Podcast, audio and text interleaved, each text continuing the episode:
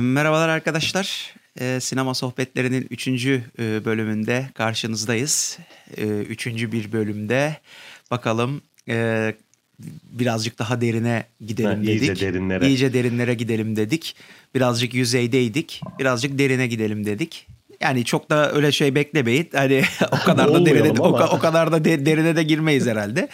Hani hani konu Girmesek iyi olarak ve şu basitçe hani e, sanat filmi e, meselesi, gişe filmi meselesi, e, popüler Avantgard. sinema, avantgard sinema vesaire falan filan gibi ikilikler hakkında çok fazla e, konuşuyoruz. Bu nedir ne değildir? Artık bununla bir ilgili e, yapacağımız konuşmadan bir e, derste çıkabilir miyiz? E, bir e, podcast'te çıkabilir miyiz bilmiyorum ama Bakarız e, duruma. Duruma göre nasıl ilerlediğine bağlı olmakla birlikte diğer konu gibi iki e, derse de ya da iki podcast'te de sürekli ders diyorum dilim eski şey Hı, hep eski ders- alışkanlıklar Aynen, eski ders- alışkanlıklar Hı hı, Sen ders videosu yaptığın için hep doğru. hem ders videosu yaptığım için hem de hani işte Ders verdiğin için. verdiğim için sürekli ders diyorum podcast e, arkadaşlar Sohbet Tabii ki de. diyelim yani. sohbet diyelim ya da işte e, çok da şey yapmanın anlamı yok birazcık şimdi bu sefer e, ben daha genişten e, bir e, giriş e, yapacağım. E, daha benim ilgilendiğim e, alanlarla ilgili e, olduğu için. E, daha sonrasında e, Görkem'e e, bırakacağım. İşte o daha çok sinema içerisindeki bu ayrımı sinema tarihi içerisindeki ayrımı. Ben konuyu genel itibariyle sinema ile ilgili olan kısımda benim bakışım nedir bu sanat e, meselesine, e, popüler meselesine e, değinip e, Görkem'e e, bırakacağım. Aslında hani şöyle e, girelim. Yani sürekli kullandığımız bir kelime e, olan bu sanat denilen şeyle ilgili olarak esasında karşımıza net bir tanım yüzyıllar boyunca uğraşılıyor olmuş olmasına rağmen e, çıkartılamıyor. Yani şöyle bir tanım çıkartılamıyor. Yani geniş genel bir tanım çıkartılabiliyor elbette ki. İşte insanın e, yaşantısı içerisinde karşılaştığı bireysel, toplumsal artık her neyse artık kendisine input olarak gelen her ne varsa bununla ilgili e, bir biçim kullanarak, bir form kullanarak, bir yaratıcılık unsuru katarak bunu karşılaştığı şeyleri e, bir formla e, derinleştirmesi, e, yeni bakış açıları sunması ve karşısında bunu tüketende de bunu yaparken bir takım duygular uyandırması falan gibi genişçe e, bir e, tanıma e, gidiyor aslına bakarsak burada sanatın tanımı. Ama hani bu, bu elbette ki böyle bir çok geniş bir tanım yapılabilir ama hani bu, bu çok geniş bir tanım olur. Evet ne kadar Ee, açıklayıcı yani hani. Evet.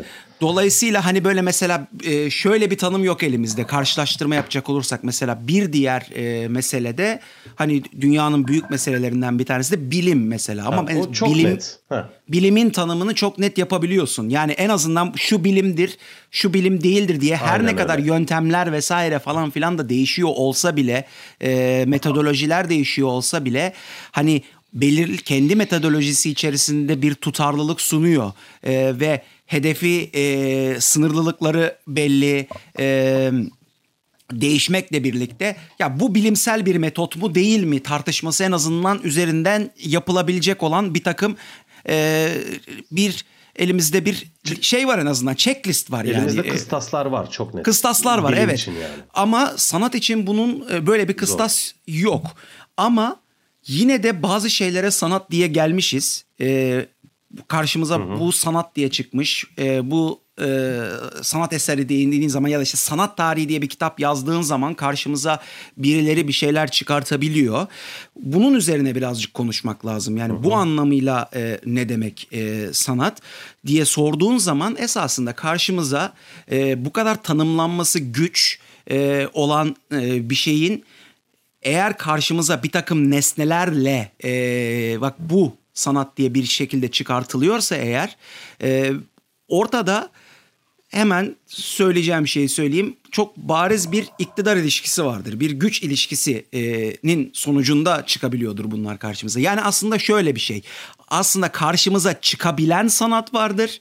Bir de çıkamayan e, sanat vardır. Haberimizin bile olmadığı. haberimizin bile olmadığı ki bu haberimizin olmadığı meselesi e, bizim konumuzla çok yakından ilişkili olacak birazdan. Evet doğru.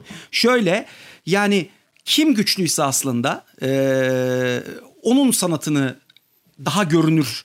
Yani burada karşımıza bir sanat elitinin elinden bir güç kaybedilunca aslında çok da fazla bugüne kadar dert etmediği bir problemle karşılaşmak zorunda kalıyor. Bunu da dediğim gibi e, en derin izlerini sinemada göreceğiz. O da şu. Hı hı.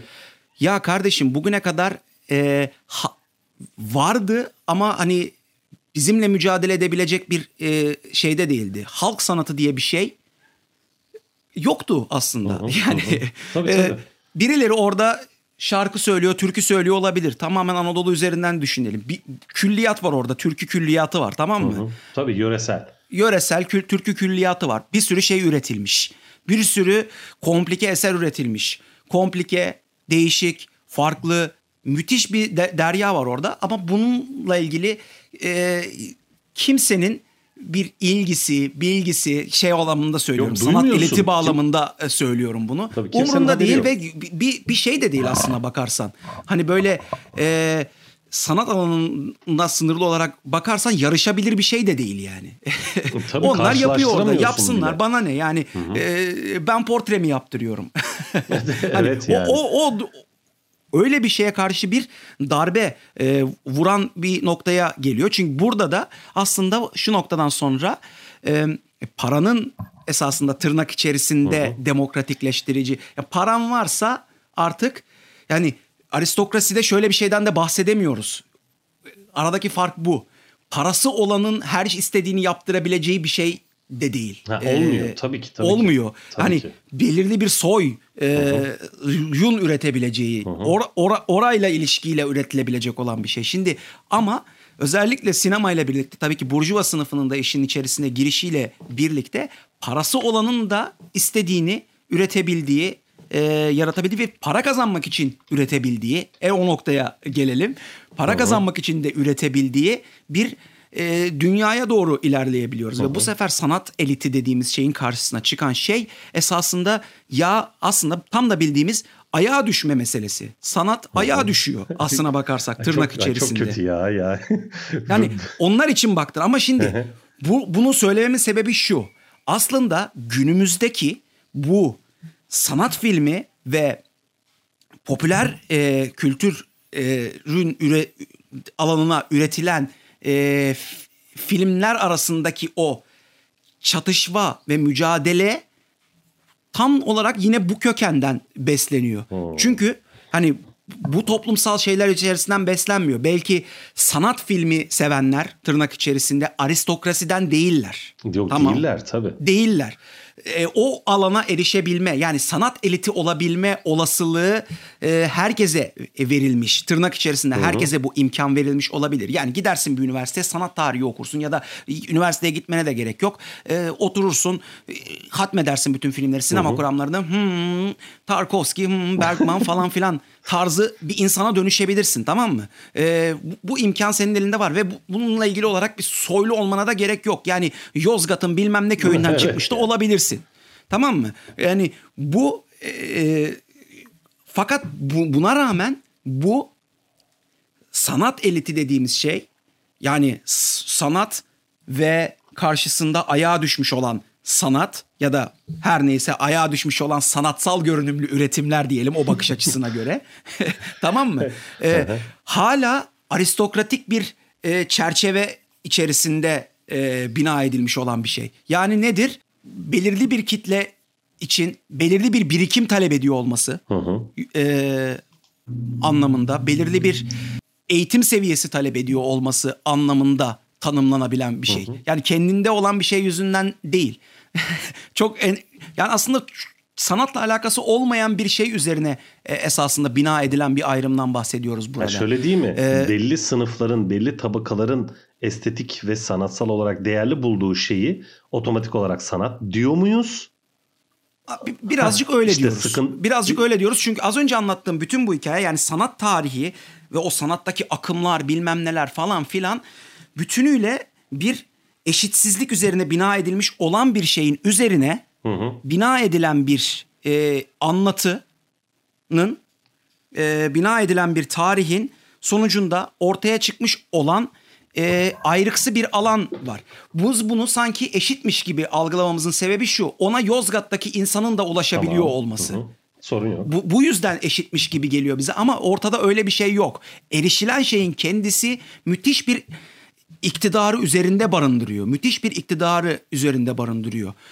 Sanat tarihinin getirdiği iktidar mekanizmasının üzerinde barındırıyor ve toplumsal olarak da e, aslında şu bakış açısını barındırıyor. Kitlenin ürettiği e, sıradan insanın ürettiği şeyin içerisinde sanatsal bir değer olamaz bakış açısını e, üzerinden bina ediyor. Ya şu şu his. Şimdi bunu e, bi- birazdan bırakacağım sana. Sadece şunu devam söyleyerek söylemek istediğim şeyi özetleyecek olan bir şey olacak. Hep buraya vardırıyorum. Çünkü bu o beni bunu beni çok etkiledi. Bilmiyorum biliyor musun? Bununla ilgili de böyle bir konuşma yapmıştım bu kanalda. Wolfgang Be- Beltracchi denilen bir adam var. Ne zaman yaşamış bu adam? Şimdi bu adam Alman. Bu adam Alman tamam mı? Bu adamın olayı şu. Bu adam istediği e, ressamın üzerine çalıştığı bir ressamın resmini birebir taklit etmenin de ötesinde bunu yapabilen insanlar zaten var. Ama o tekniği e, geliştirip ke- şeyini de katıp o adamın e, mesela araştırıyor şöyle yapıyor sanat tarihi içerisinde sanat tarihini de çok iyi biliyor koleksiyon falan filan meselelerini diyor ki işte Picasso'nun bilmem kaç yılında yapmış olduğu bilinen fakat bir türlü bulunamayan bir resmi var. Tamam mı? Yapıldığı biliniyor. Aşağı yukarı neden bahsettiği biliniyor. Bir takım belli özellikleri var bu sanat şeyi içerisinde. Bu adam bu yeteneğini kullanarak o resmin o resmi yapıyor tamam mı? Önce. Diyor ki işte ve ondan sonra bunu Picasso'ymuş gibi satıyor. Oo. Tamam mı? Şimdi Ee? dur. Olaya gel. Picasso'ymuş gibi satıyor. Yaptığı eserlerden bir tanesi Picasso'nun eseri miydi bilmiyorum ama hani e, bir eserlerden bir tanesi inanılmaz büyük bilgi görüyor. İşte çok yüksek paralarla satın alınıyor vesaire falan filan. Hatta şöyle sanat tarihçileri falan filan şöyle yorumlar yapıyorlar. İşte bunu ancak Picasso Eyvah. yapabilirdi. Bunu açtı ancak bilmem ne falan filan bu kadar müthiş bir şey, şu müthiş bir şey, bu bu kadar işte Picasso'nun şeyi eseri. Picasso diyorum da Picasso olmayabilir. Ya, Yani ya önemli bir İşte ressamlardan biri yani. Hı. önemli ressamlardan bir tanesi. Şimdi tam hatırlayamadım. Picasso replikası da yapıyor da tam olarak hatır emin değilim bunun bu olup olmadığından. İşte e, müthiş bir şey. e, ustalık eseri bilmem ne falan filan sayfalarca yazı yazılıyor ya bununla ilgili Eyvah. olarak. Yani işin eksperleri yazıyor yani. Dünya üzerindeki Sanat, eksperleri. sanat Yani eleştirmenleri yazıyor ya. sanat eleştirmenleri 10 o yani 10 dünya üzerinde 10 tane olan insandan o biri yazıyor falan. Hani anlatabiliyor muyum? Ondan sonra bu adamın yapmış olduğu bu eserlerin içerisinden bir tanesini adamın tem, adamı görmen lazım. Böyle rahat tembel falan filan da bir adam böyle kafası anarşizan bir kafada tamam mı? E, ta- tam öyle bir kafada evet Lebowski. Tam öyle bir kafada. Ondan sonra ya diyor şimdi yaptığı şey de şu. Yani yaptığı teknik de iyi. Diyor ki 1940'tan mesela bir resmi şey yapacaksa 1940'tan bir resmin replikasını yapacaksa gidiyor 1940'lı yıllardan e, bir başka çünkü orada y- şey yapabilir bir resim alıyor tamam mı? Herhangi bir sıradan bir resim alıyor. Bir değersiz bir resim alıyor. Onun tuvalini kullanıyor. Bu şey yapıyor. Ki hani o yaşlanma etkisini de ispat edebilsin. Yani bu 1940'tan Oo, kalma bir şey. Sanat eleştirmenleri Tamam bunu fark Onu ispat edebiliyor. lazım ya. Bunu fark edemiyorlar çünkü O kadar iyi e, yani. işte orada bir o kadar iyi ve burada bir başka bir tartışma tartışma da var. Acaba fark etmek mi istemiyorlar ha, gibi ya falan işte filan abi. e, gibi bir şey. O öyle bir mesele de işin içerisindeki katakulliyi de birazcık belli eden bir şey bu. Fakat daha sonra adam bu yaptığı resimlerden bir tanesinin üzerinde tembelliğinden çok küçük bir kısmında olmayan kimyasal olarak o dönemde olmayan bir boya kullanıyor. Tamam mı? Tembelliğinden, bilmediğinden Hmm. değil. Diyor ki ya şey yapayım diyor. Aman diyor uğraşmadım falan diyor. Tamam Ay, belgeseli var. ya. Ben bunu izleyeyim ya. Netflix'te var belgeseli. izleyeyim. Uğra Netflix'te Alman Hmm. belgeselinde şey var mı bilmiyorum da. Diyor ki ya uğraşmadım diyor. Yani böyle tembelliğime geldi. Kullanıverdim diyor. Oradan Ha, oradan oradan yakalanıyor patlıyor tamam ama. mı? Oradan patlıyor. Ondan sonra bu sanat eleştirmenleri deliriyor tabii. Böyle bir adama Anladım, saldırıyorlar. Böyle bir ahlaksızlık, böyle bir namussuzluk olur mu bilmem ne. Hayır yani adam aslında şunu gösteriyor. Aslında kanıtlanabilir olmayan bir şeyi, başından beri konuştuğumuz ve aslında çok da kanıtlanabilir olmayan bir şeyi bir ölçüde kanıtlıyor gibi. Yani aslında tamamen bir illüzyon üzerine kurulmuş olan e, Sen bir şeyden bahsediyorsun kabul esasına bakarsan. takdirde- Yani sadece evet iktidardan sadece Picasso'ya ait olduğu için değerli bulun, bulunan bir şeyden bahsediyorsun aslında. Oysa ki adam ortada konuştunuz bütün bunların hepsini yaptınız ve bu adam bunu yapabildi ve adam diyor ki aman diyor yani e, ben diyor hiçbir şekilde kendimi namussuzca bir şekilde falan filan hissetmiyorum falan diyor. Hatta ve hatta çok şey değerli bir şey yaptığımı gösteriyorum ve bu iktidarı çökerttiğimi düşünüyorum falan diyor yani. Ve evet bu çok birebir bir şekilde e, örtüşüyor aslına bakarsak bütün bu anlattıklarımızla. Ne oluyor? Ya hayır. Kabul ettirdiğinde Yani sen bunu güzel olsun, estetik olsun, olmasın, ne olduğu eserin çok da önemli değil. İktidara kabul ettirdiğinde bu sanat eseri olarak kabul görüyor. Bu ortaya Evet çıkıyor. yani ortada resmen bir esasında bir e, sanat elitizmi denilen bir şeyin esasında yok gibi gözüküp Oo. aslında bayağı bir var olduğu, bayağı bir var olduğu fakat sadece farklı dinamiklere sahip olduğu e, ve bütün bu karşıtlığın da esasında hani bir şeyin ben kitle için yapmıyorum demenin esasında daha baştan sana bir avantaj sağladığı, popüler olan bir şey yapmıyorum demenin bir avantaj sağladığı bir durum. Geçen de şununla sana pas atıp bitireceğim. Dedin ya işte Spielberg niye avantgard değil? Ka- Cameron niye avantgard değil? Bilmem ne. Tek bir sebebi var işte. Ben sana söyleyeyim. Yani e, benim için hani böyle sanat normatif bir değer e, şey e, sanat böyle hani bir değerlendirme, niteliksel bir e, değer şey yapmıyor işte. Bu sanattır, bu değildir falan filan gibi bir şey değil. E, o dolayısıyla bu tartışmaya girmeden söylüyorum. Baktığın zaman yani Cameron, Spielberg, bilmem ne falan, Lucas gibi adamların yapmış oldukları şeylerin e, belirli bir elit zümre tarafından sanat alanı içerisinde kabul edilmiyor olmasının benim gözümde e, en büyük açıklaması yaptıkları şeyin popüler bir karşılık bulmuş Oo, olması Anlıyorum. Evet evet. diyerek diyerek e, aslında benim baktığım e, noktayı sana e, paslayarak bunun üzerinden e, senin esasında sinema içerisindeki bu avantgard sinema ayrımıyla ilgili e, ne söyleyeceğinle ilgili e, sana bırakıyorum topu. Şimdi şöyle acı o çok aslında çok acı bir şey söyledin aslında hani. Evet yani işte Steven Spielberg, James Cameron veya atıyorum işte George Lucas neden avantgard değil veya niye sanatçı olarak görülmüyor? Çünkü yaptıklarının popüler bir karşılığı var. Şimdi bu çok Popüler bir karşılığı var ve popüler sanat olan değildir. e, e, sanat değildir gibi yani bu çok basit bir cümle şey gibi geliyor tamam mı kulağa. Ulan bu kadar basit mi olur falan gibi geliyor. Ama yani arkasındaki tarihsel sürecin kabaca yani yarım saat içerisinde 20 dakika içerisinde ne kadar anlatabilirsem anlattım. Ee, arkasında büyük bir böyle bir tarihsel dönüşüm hikayesi var. Ee, ge- Ve bu da onun geçişlilik var. devamı diyorsun aslında. Yani. Bu Kurallar aynı şekilde Evet. devam ediyor diyorsun. Şimdi dur bakayım. Tabii, Ee, tabii. ben e, sinema tarihi açısından şöyle olayı özetleyeyim. Şimdi sinema dört maddede dört atılımla bugünkü haline geldi. Çok kısacık yani atıyorum 500 sayfalık bir kitabın özetini ise dört maddede yapacağım. Lumière'ler, Méliès, Griffith, Eisenstein. Tamam mı? Bu dört Evet. maddede dört kişi. Méliès'in yanına Porter'ı da koyabilirim. Büyük tren soygununu. Şimdi Lumière'ler Hmm. toplu eğlen öncelikle tabii hareketli fotoğrafı, kamerayı ve toplu eğlence, toplu izlemeyi keşfetti, buldu ve uyguladı, başarılı oldular. Ondan sonra Méliès hareketli fotoğrafa öyküyü ekledi. Porter da kur- kurguyu ekledi. Öykü kurgusunu. Ondan sonra Griffith bir paralel kurguyu ekledi. Birden çok öyküyü birlikte anlatmayı ekledi. Ve çekim ölçeklerini ekledi. Yakın Evet. plan, uzak plan vesaire. Evet. Eisenstein ve Sovyet e, sineması da Kuleshov ve Eisenstein dramatik kurguyu ekledi. Bu dört atılımla, bu dört icatla, bu dört keşifle sinema ortaya çıktı. Şimdi bak. Bu dört atılımın iki buçuğu sinemadan önce de var. öykü anlatım kuramı anlamında söylüyorum. Nasıl var? Şimdi hı hı.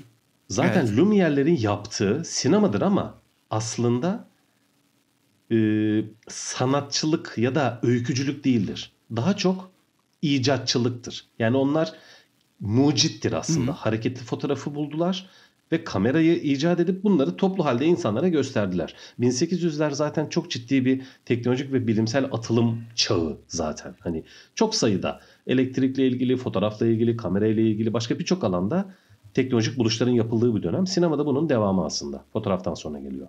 Fotoğrafa bağlı zaten. Şimdi Lumiere'lerin yaptığı evet sinemacılıktır ama bizim ilgilendiğimiz anlamda hem öykü anlatıcılığı hem sanat anlamında Lumiere'lerin hiçbir önemi yok. Onları sadece sinemanın teknolojik mucidi olarak görüyoruz. Onları kenara attım. Evet. Meliye'nin yaptığı şey tam ve Porter'ın yaptığı şey tam olarak edebiyatta öykü neyse sinemada da onların yaptığı o. Bir öykü yazıyorlar ya da var olan bir öyküyü hareketli fotoğraflarla anlatıyorlar. Yani bu da şeyde var. Hı hı. Anlatı tarihinde var. Anlatı sanatlarında bu da var. Nasıl edebiyat da bir anlatıdır. Tiyatro da bir anlatıdır. Hatta şiir de bir anlatıdır. Ha, sinemada bir anlatı türü oluyor bunlarla. Anlatı türü mertebesine yükseliyor. Yani anlatım gücü ilerliyor, genişliyor. Ondan sonra Griffith. Ya burada şu hani böyle basit pardon araya girdim de burada şu Hı-hı. çok basit yo, bir şey gibi gözüküyor da hani öykülemenin yo. sinema içerisinde dahil edilmesi. Şimdi bir bir teknolojik olanak tamam mı aslında o, olarak ortaya çıkmış olan bir şey. Yani bunun illa öykülemeyle şimdi biz sonucunu gördüğümüz için sanki öyküleme yeni bir e, şeymiş gibi gelmiyor e, bize ya da çok büyük bir şeymiş Oo, gibi gelmiyor bize ama yani basitçe yani şöyle düşünün bir sürü görüntüleme teknolojisi var. Ya şimdi mesela ultrasonun da bir görüntüleme teknolojisi tamam mı? Yani Şimdi ama ultrasondan hani ultrasondan bir öyküleme çıkmıyor. Aynen. hani Doğrusu güzel söyledin. E, bö, bö, doğru doğru. Böyle bir e, geniş bir perspektiften düşünürsen aslına bakarsan yok. ne kadar büyük bir katkı olduğunu görebiliyorsun. Tabii ki. E, tabii, bunun. tabii ki. Ona hiç hani yok. Tabii basitçe ki. aslında güvenlik kamerası olarak da kullanılabilecek olan ve sürekli o şekilde şey. gelmiş olarak da devam edebilecek olan bir teknolojiden bahsediyorsun aslında. Aslında öyleydi. evet. öyleydi yani. Onunla sen bir öykü anlattın. Bu evet. inanılmaz bir şey. Tabii Mellie öykü Porter'da ilk büyük tren soygunu dediğimiz filmde de öykü, öykü kurgusunu yani birden çok olayı ard ardına ekleyip bir öykü anlatma becerisine Hı-hı. ulaştırdı sinemayı. Ama bu da aslında anlatı açısından diyorum. Anlatı tarihinin sadece hareketli fotoğrafa aktarılmış hali. Yani daha önce bu tip bir anlatı da var. Çünkü öykü diye bir şey var. Öykü bir edebiyat formu. Hı hı. Ondan sonra Griffith. Şimdi bak ne dedim? İki buçuk dedim. Griffith'in paralel öyküleri Meliye'ninki öykü ise Griffith'inki roman. Bak tam karşılığı. Evet. Yani işte pembe incili kaftan bir öykü. Bu bir öykü. Roman değil, öykü. Öyküyle roman arasındaki fark ne? Öyküde tek ya da bir grup karakterin tek bir doğrusal çizgide hareket ettikleri eylemleri gösteriyoruz biz birden çok karakter, birden çok yer, birden çok zaman yok öyküde. Çizgisel, tek. Romandaysa birçok öykü iç içe. Şimdi arasındaki fark bu edebiyatta. İşte aynı sinemada ki fark. Tek bir çizgi değil, tek bir karakter ya da karakter grubu değil, ardışık bir zaman değil, çok sayıda zaman, çok sayıda karakter, çok sayıda yer, çok sayıda öykünün paralel biçimde anlatması. Bunu da Griffith uyarlıyor sinemaya. Edebiyattaki roman algısını, roman hı hı. E, formatını sinemaya uyarlayan Griffith. Öykü kurgusu anlamında. Şimdi hı hı. iki buçuğu bu. Yani sinemanın, dört maddelik sinemanın iki buçuğu daha önce var olan sanatların sinemaya aktarılışı, uyarlanışı, biçimlendirilişi öyle söyleyeyim. Şimdi bu iki buçuğu anladık kenara koyuyorum. Diğer bir buçuğu ne? Bu bir buçuğun 0.5'i yani yarımı Griffith'e ait çekim ölçekleri. Daha önce hiçbir sanatta yok. Nasıl yok? Tamam resimde de yakın sen bir eli bir gözü çizebilirsin. Ya da çok genel plan kocaman bir orman görüntüsünü işte Monet atıyorum yapabilirsin. Ama bu aynı şey değil. Çünkü sinemada yani romanda şey pardon resim dramatik bir sanat değil. Hani bir zamanı yayılmıyor. Bir girişi gelişmesi sonucu yok. Tek seferde deneyimleyebiliyorsun. Karşına koyuyorsun resmi ya da heykeli bakıyorsun. oradaki öykü bir öykü olabilir ama bir zamana yayılmıyor. İşte sinemada öyle değil, müzikte öyle değil, edebiyatta öyle değil, tiyatroda öyle değil. Sinemada ardı ardına yakın, orta ve uzak çekimlerle bir anlam yaratabiliyorsun. Bu başka hiçbir sanatta yok.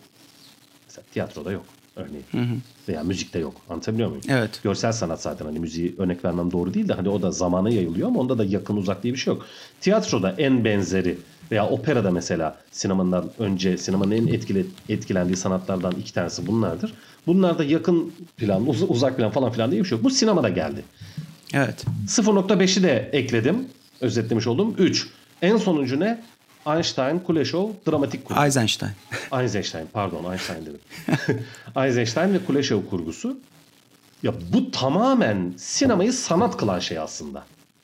Şimdi bak yani aslında bu noktadan sonra sanat alıyor sinema. Dördüncü maddede sanat oluyor. Şimdi şöyle bir şey söyleyeceğim. Bu noktadan sonra sinema ortaya çıktı. Yani ortaya çıkmadı tamamlandı diyeyim. Bugünkü anlamında tamamlandı. Şimdi bak bu insanların hepsi avantgardtır. Avantgard zaten kelime anlamıyla öncü demek. Öncülük yapan.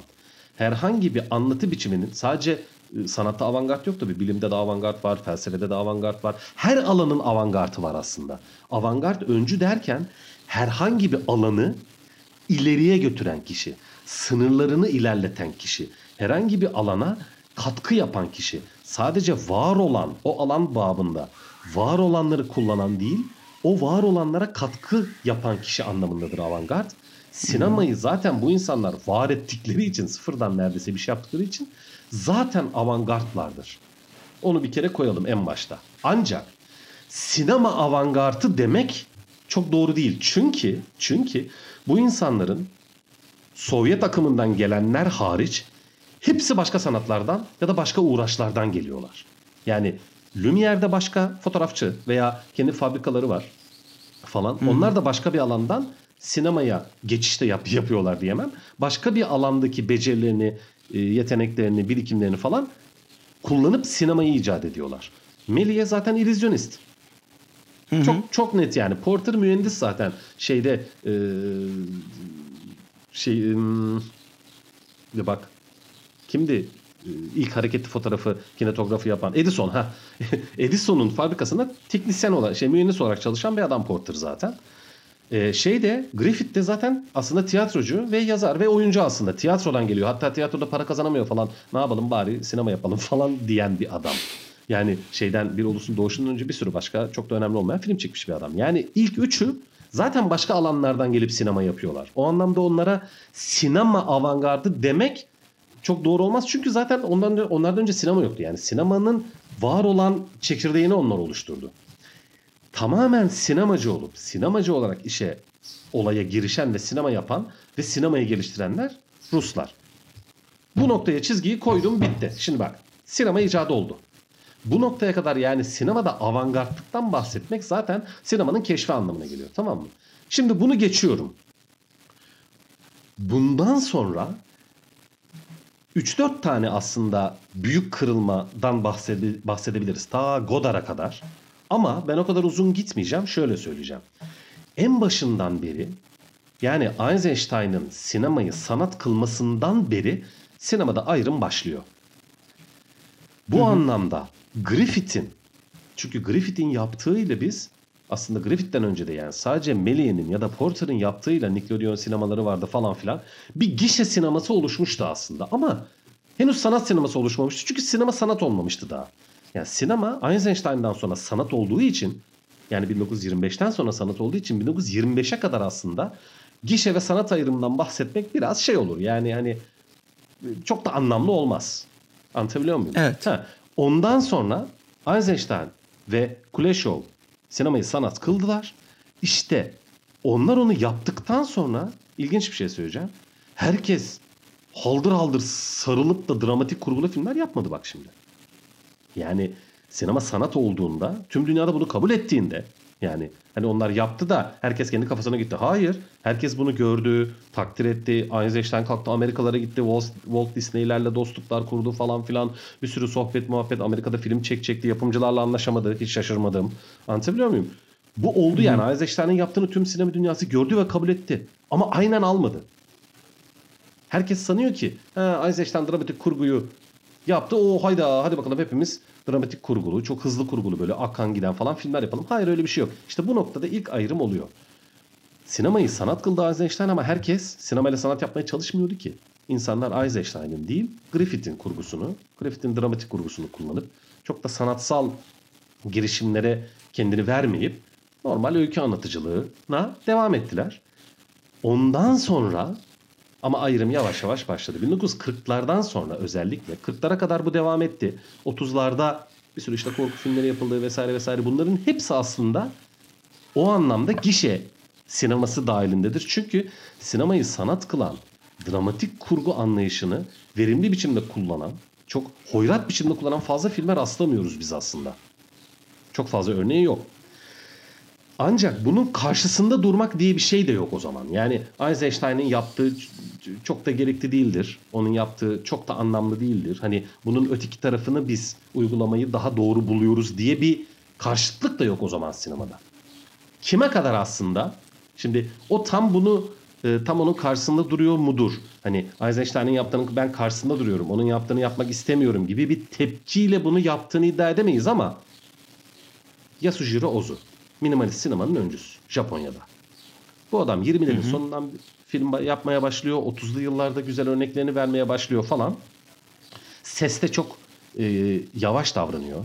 Yani teknolojik ve e, böyle sinemasal atılımlara çok da dört elle sarılan bir sinemacı değil ama minimalist bir sinema yapıyor. Şimdi bak bakarsan aslında hani e, şimdi birazdan söyleyeceğim. Sinemada keselimci kesmeyelimci iki ayrı akım var ya. Ya evet. da avantgard ve gişe diyoruz ya aslında. Ben aslında bunu bunların hepsinden önce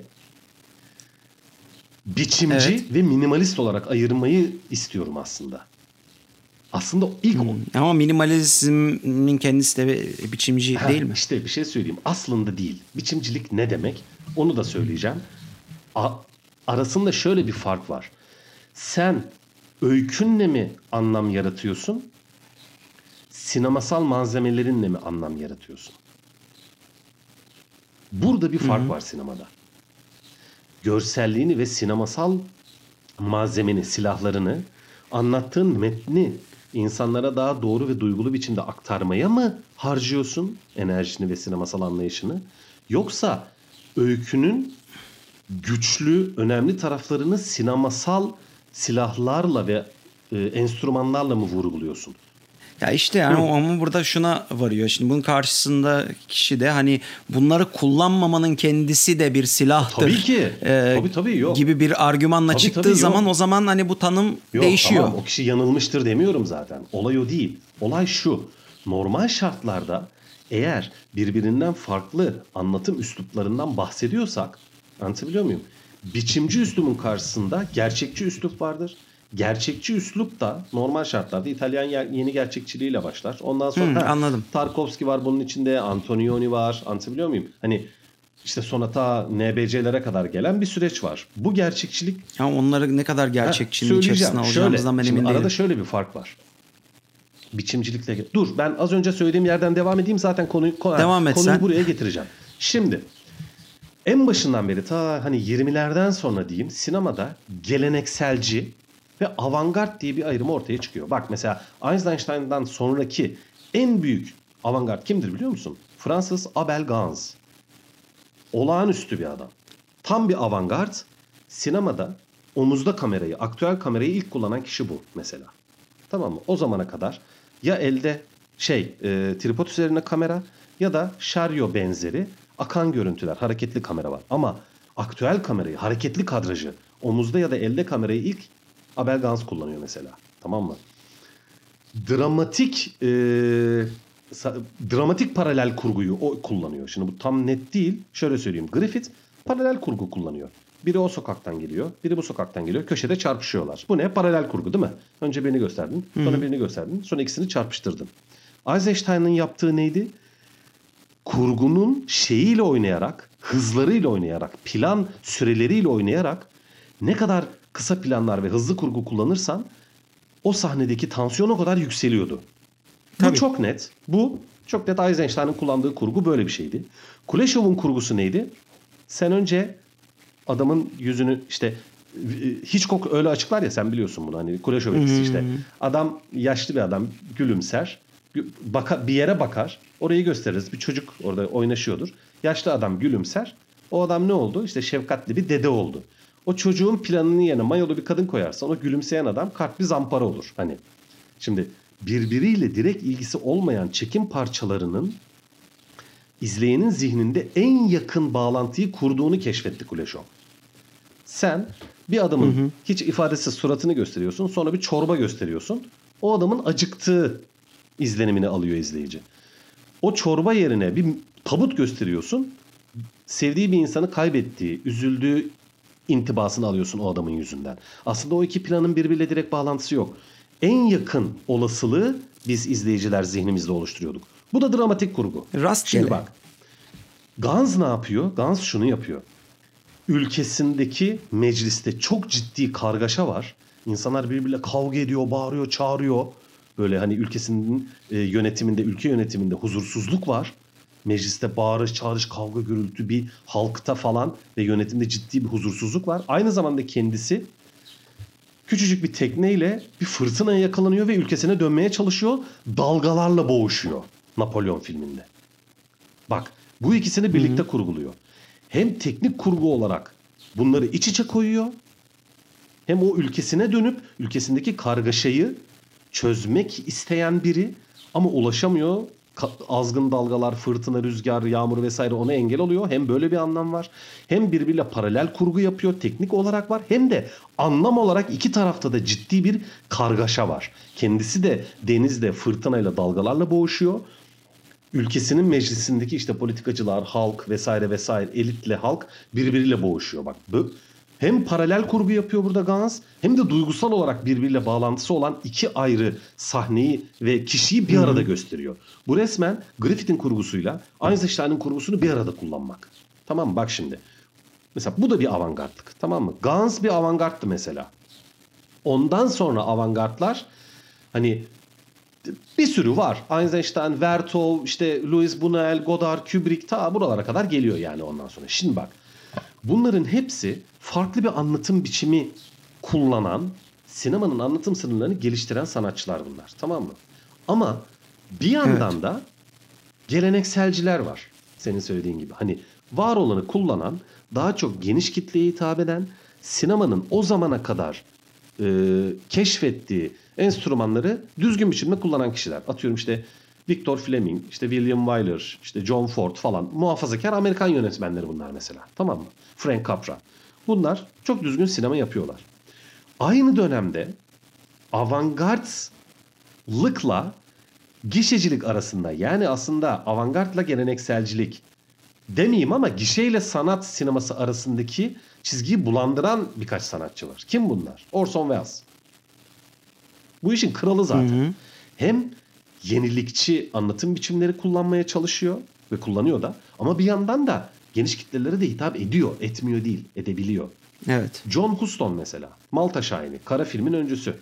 Bu adamın Hı-hı. filmlerinde hiç iyi karakter yok. Ama klasik bir öykü anlatımı kullanıyor mesela. Şimdi bak anlatım biçimi olarak, öykü kurgusu olarak klasik ama içerik olarak, öykü olarak, karakter olarak yenilikçi, farklı, ilginç. Diğer evet. sanatçı kim? Tabii ki Alfred Hitchcock. en kralı yani hani hı hı. gerilim sinemasının evet. Miladı Alfred Hitchcock zaten. Anlatım biçimi aslında klasik. Yani çok farklı değil. Ardışık kurgu kullanıyor genellikle. Çok jilet gibi kurgusu var. Çok güzel öykü akışı var falan. Ama anlattıkları aslında iyi kötü ayrımını bulandırıyor falan filan vesaire. Şimdi bu noktada şunu söyleyeceğim bak. Bir gelenekselci avantgard ayrımı var. Şimdi bak. Bunu bir kenara koyalım. Hı hı. Gelenekselci avantgard ayrımında ama sadece şey yok. Öykü kurgusu falan yok. Kullandığın karakter, atmosfer, ışık vesaire vesaire. Hı hı. Sinemasal bir sürü şey. Bunu bir kenara koyuyorum. Bir de e, gerçekçi ve biçimci ayrımı var. Biçimcilik Eisenstein'la başladı. Gerçekçilik de kısmen İtalyan yeni gerçekçiliğiyle kısmen de Bazen'le başladı. Fransız sinemasıyla, Fransız yeni dalgasıyla başladı. Şimdi bak, hı hı. çok önemli bir şey vurgulayacağım. buradaki gerçekçili biçimcilik aslında sadece kurgu uygulamaları üzerinedir. Yani bak şimdi ilginç bir şey söyleyeceğim. Hatta bunu arkadaşlar hadi canım diyecek ama aslında öyle değil. Blade Runner 2049 filmi gerçekçi bir filmdir. Ne demek bu? Çünkü gerçekçilik kuramında kastedilen şey anlatılan öykünün gerçeğe uygun ya da yakın olup olmaması değil ki. Sinemasal olayın gerçekçi bir zaman algısıyla anlatılması demek bu. Yani sen fantastik bir filmi Tarkovski kurgusuyla anlatırsan aslında gerçekçi sinema yapmış olursun. İnsanlar bu konuda yanılıyor. Kuramsal olarak kurgu kuramları açısından gerçekçiliği kastediyorum yani anlatabiliyor muyum? Fil, film türü açısından evet, kastetmiyorum. Anladım, anladım. Şimdi sen Eisenstein kurgusunu kullanırsan zaman algısını kırıyorsun. Ben Nuri Bilge Ceylan filmi düşünelim. Camdan dışarı 3 dakika bakan adam tamam mı? Mesela Bir Zamanlar Anadolu filminin finalini düşün. Tamam mı? Doktor karakteri camdan dışarı bakıyor. Bayağı bir bakıyor. Hı hı. Şimdi onu sen kesintisiz çekersen o adamın kaç dakika camdan dışarı baktığını görürsün. Doğru mu Fırat? Doğru abi.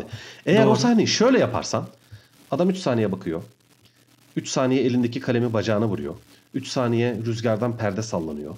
Adam alnını kaşıyor. Hani şak şak şak şak değil mi? Birkaç tane farklı çekimle. Bak eylem aynı. Adam yine camın önünde camdan dışarı bakıyor ama sen kesmeler kullanıyorsun. Evet. Ritmi arttırıyorsun. At, aynen ritmi arttırıyorsun.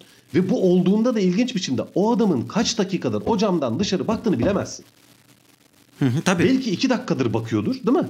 Yani çünkü e, camdan baktığını gösterdiğin anla kalemi dizine vurduğu an arasındaki evet. e, sürenin evet. ne kadar olduğunu bilmiyorsun. Hiçbir şekilde bilmiyoruz. Heh, işte aslında gerçekçilikle anlatabiliyor muyum? Biçimcilik aslında bu. Ayrım bu. Yani aynı eylemi sen gerçekçi biçimde de çekebilirsin. Biçimci biçimde de çekebilirsin. Eylem aynıdır bak. Şimdi bu bir kırılma ve bu tercih oluşturuyor. Tamam mı? Ya Tarkovski gibi işte Antonioni gibi işte Nuri Bilge Ceylan gibi veya İtalyan gerçekçilerinde Rossellini'de falan da o vardır. Çoğunlukla sokaktan adam uzun uzun yürür, gelir. Atıyorum işte İtalyan bir karakter. Orada işte Alman askeri gelir, onun kimliğini sorar, çıkarır. Sen burada ne yapıyorsun? Bütün bu sahneyi uzun uzun kesintisizce çeker şey. Rossellini mesela. Anlatabiliyor muyum? Ha, ritmi kurguyla değil olayla verir.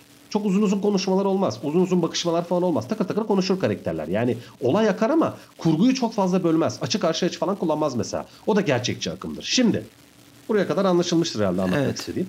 Şimdi bu iki akımın yani hem gerçekçi olsun Tarkovski falan işte veya Rossellini ya da biçimci olsun işte Eisenstein ta işte atıyorum Ridley Scott'lar falan filan hepsi.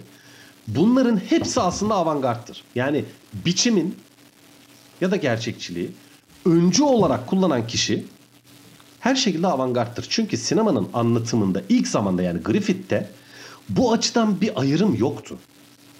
Hı hı. Uzun kurgu planları kullanarak, uzun çekim parçaları ya da yavaş kurgu diyoruz ona kullanarak ya da hızlı planlar, şey hızlı kurgu ve kısa planlar kullanarak anlam yaratma diye bir şey yoktu Griffith'te. İki tarafa doğru dallandı böyle sinema. Onların öncüleri her şekilde avantgardtır. Tamam mı? Çünkü başta dediğim gibi bu yoktu. Ancak o noktada bir patlama noktası ortaya çıkıyor. Şimdi bak. Gişe sinemasında biz en başından beri izleyiciyi sıkmayacak, akacak gidecek herkesin keyifle hani farklı eğitimden, farklı e, toplumsal kesimlerin falan filmi keyifle izlemesini istiyor değil mi Amerikan sineması? Evet. En başından beri. Herkese bunu yapıyor.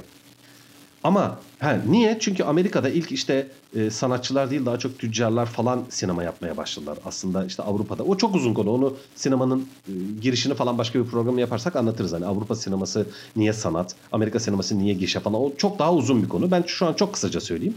Avrupa'da sinemayı keşfedenler daha çok sanatkar tiplerde, entelektüellerde. Amerika'da ise daha çok tüccarlar, ticaretle uğraşan insanlar. Evet. Ve Amerika'daki bu tüccarlar daha çok halkın düşük eğitimli ve fakir kesimde sinemayı sattılar. O yüzden herkesin anlayabileceği şekilde filmler yapmak zorunda kaldılar. Şimdi bu olurken şöyle ilginç bir nokta var. Avantgard dediğimiz sinemacıların malzemeleri yani Eisenstein'ın, işte Guns'ın, o zaman için sinemada bol bol kullanılıyordu. Yani Guns'dan sonra da elinde kamera kullanan sinemacı var. Veya Eisenstein'dan sonra hızlı kurgu sinemaya girdi ve yavaş yavaş kullanılmaya başlandı. Hızlı değil bak çabucak değil ama yavaş yavaş kullanılmaya başlandı.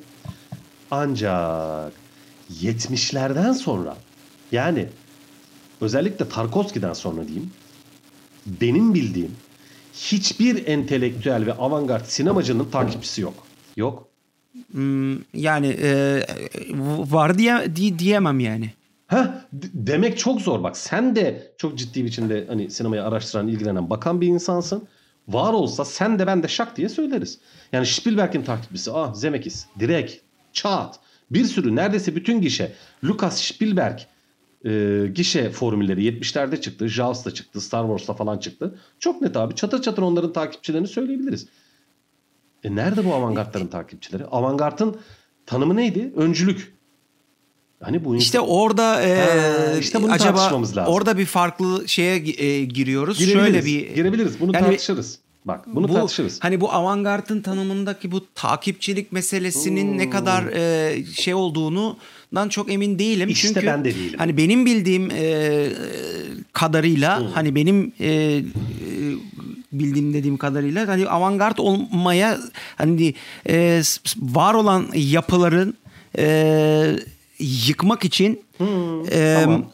öncül bir e, görev üstlenmek e, yeterli oluyor. Evet, yani senin doğru. E, takip ed, edip etmemen çok, çok önemli fazla değil çok önemli bir kriter değil diye e, biliyorum. Tamam. Şimdi yanlış bir şey söylemiyorsun. Buna ben de katılıyorum. Sıkıntı şurada. Avantgardların biz yani sinemanın sınırlarını genişletmek, sinema adına yeni anlatım biçimleri ha. oluşturmak öncülük anlamına gelmiyor ki. Öncülük evet. yükümlülüğü yok aslında o insanların. O insanlar ne öncü olmak için bunu yapıyor? Öyle değil mi? Yani şöyle bir şöyle bir şey olabilir. Yani e, bundan farklı olarak hani belirli bir e, ki hani zamanın avantgard ressamlarının Hı-hı. falan filan e, mevzusuna baktığında Hı-hı. aslında hani kendilerini halka kabul ettirebilmiş oldukları için değillerdi Aynen. de daha çok hani belirli bir e, ki e, sanatsal elit e, çevreye esasında Kendileri kendilerini kabul, kabul ettirebildikleri. Hatta, hatta bir şey söyleyeyim mi sana? Çok ilginç bir şey. Bu sinemada da var aslında. Diğer sanatlarda da var. Avantgardlar kendilerini aslında önce zanaatkarları kabul ettiriyorlar. Zanaatkarlara? Evet. Yani bir sinemacı avantgardse eğer bir şey yaptığında halk onu kolay kolay anlamıyor zaten. Yani evet. Yurttaş Kane'in ne kadar büyük bir film olduğu o zaman anlaş. Hiçbir sanat eseri o zaman çok şey olmamıştı aslında. Hani keşif dönemini saymıyorum bak sinema adına konuşuyorum şu an. Keşif dönemi için söylemiyorum. Yani bayağı tabii Lumiere'ler işte Méliès falan Griffith veya Eisenstein'in yaptığı tamam zaten o keşifti ama ondan sonra yapılanların büyük çoğunluğu yapıldığı zaman Yenilik anlamında söylüyorum. Avantgard anlamında söylüyorum. Yapıldığı anda hemen değerini bulmadı zaten. Bir süre sonra onların ne kadar güçlü oldukları ortaya çıktı. Ve hangi noktadan sonra ortaya çıktı? Zanaatkarlar aslında onların baktıklarını, şey onların yaptıklarını bakıp, görüp, inceleyip harika şeyler yaptıklarını fark edip halkın anlayabileceği forma dönüştürdükten sonra birçok sanatsal gelişme halka indi aslında. Yani atıyorum hı hı. İşte alan derinliği mesela veya çok ciddi böyle hareketli alan derinliği diyeyim mesela Yurttaş Kane için. Yani Yurttaş Kane'de sahnenin içerisinde metrelerce kamera ileri geri gidiyor falan. Yani acayip bir şey. Bugün bile izle muhteşem bir şey. O zamana kadar öyle bir şey tabii, yok. Tabii o hep örnek olarak evet bahsedilen. abi ya, inanılmaz ya. Ben de hani sinema tarihi dersi verirken böyle o direkt o sahneleri gösteriyordum. Hani bakın bu o, o güne kadar yoktu böyle bir şey. E ondan sonra abi inanılmaz biçimde kullanıldı, sevildi ama ilk izlendiğinde ben onun ne kadar muhteşem bir şey olduğunun fark edildiğine çok emin değilim yani. Zaten hani o hep söylenmiştir canım. Orson Welles kendi söylüyordu yani. Ben bütün kariyer hayatım boyunca enerjimin %99'unu insanlara bir şey kabul ettirmek için uğra- şey kullandım. Anca %1'ini sinema yapmak için kullandım falan dedi adam yani. Hani çok netti bu. Hı-hı. Anlatabiliyor muyum? Şimdi az önceki muhabbete geliyorum. Aslında avantgardın öncü kelimesiyle eş anlamda olması kitlelerin seni takip etmesinden çok sinemanın sınırlarını genişletmesi olarak kullanılması lazım. Anlatabiliyor muyum? En başta. Evet, anladım. Öncüden çok ancak ancak ortadaki geleneksel sinemanın yıkılması ya da biçimlendirilmesi diyorsak eğer o ayrı bir e, yaklaşım ya da ayrı bir şey gerektiriyor ve bu noktada ben hem çok severim hem hiç sevmem. Bildiğim kadarıyla, görebildiğim, araştırdığım kadarıyla az çok araştırma yapmış bir insanım. Hani iddialı olamam ama birkaç film izledik biz de takipçisi olan tek avantgard neredeyse Tarkovski. Gişe sinemasını bile etkilemiş. ya da gişenin karşısında ciddi bir şey oluşturmuş böyle. Ee, başka bir alan oluşturmuş. Sanat sineması dediğimiz. Evet. Günümüz sanat sineması ama. 40'ları 50'leri 60'ları kastetmiyorum. 80'lerden sonra özellikle bir sanat sineması oluşturmuş. En önemli. Sadece Tarkovski demeyeyim. Antonioni ile Tarkovski'yi de bir araya koyabilirim. Anlatabiliyor muyum? Bu ne? Bergman'ı Bergman, eklemeyeceğim. Bergman'ı da Bergman. söyleyebilirim ama şöyle Bergman da e, onlar kadar ve Antonioni ve Tarkovski kadar uzun çekim parçaları kullanmıyor. Evet, Ha, evet. O kadar değil. Yoksa Bergman tabii onlar kadar hatta belki onlardan da daha büyük bir sinemacı. O ayrı. Yani büyüklük küçüklük anlamına söylemiyorum. Hepsi gerçek bir sanatçı. Çok önemliler ama uzun çekim parçalarını kastediyorum. Anlatabiliyor muyum? Eisenstein ve Bazen'di. Hani biçimci, gerçekçi, az kurgu, çok kurgu. Diyorum ya hani İlker Hoca da programından uzun uzun bahsetmiştim bundan mesela. Biçimci veya gerçekçi. İşte bunun sinema tarihindeki günümüz, hele hele 90'lar ve sonraki sinemada ortaya çıkan kullanımı anlamında en önemli yönetmenler Antonioni ve Tarkovski. Gidin bakın internette falan vardı işte şey e, Nuri Bilge Ceylan'a göre işte en sevdiği 10 film var ya sinema tarihinin falan. Aç bak tamamı gerçekçi, minimalist. Yani NBC'ye göre Chaplin diye biri yok, Hitchcock diye biri yok falan. Hiç, hiç onlar önemli değil. Anlatabiliyor muyum? Sadece kendi takip ettiği sinema anlayışını ortaya çıkarmış yönetmenleri önemli kabul etmiş mesela.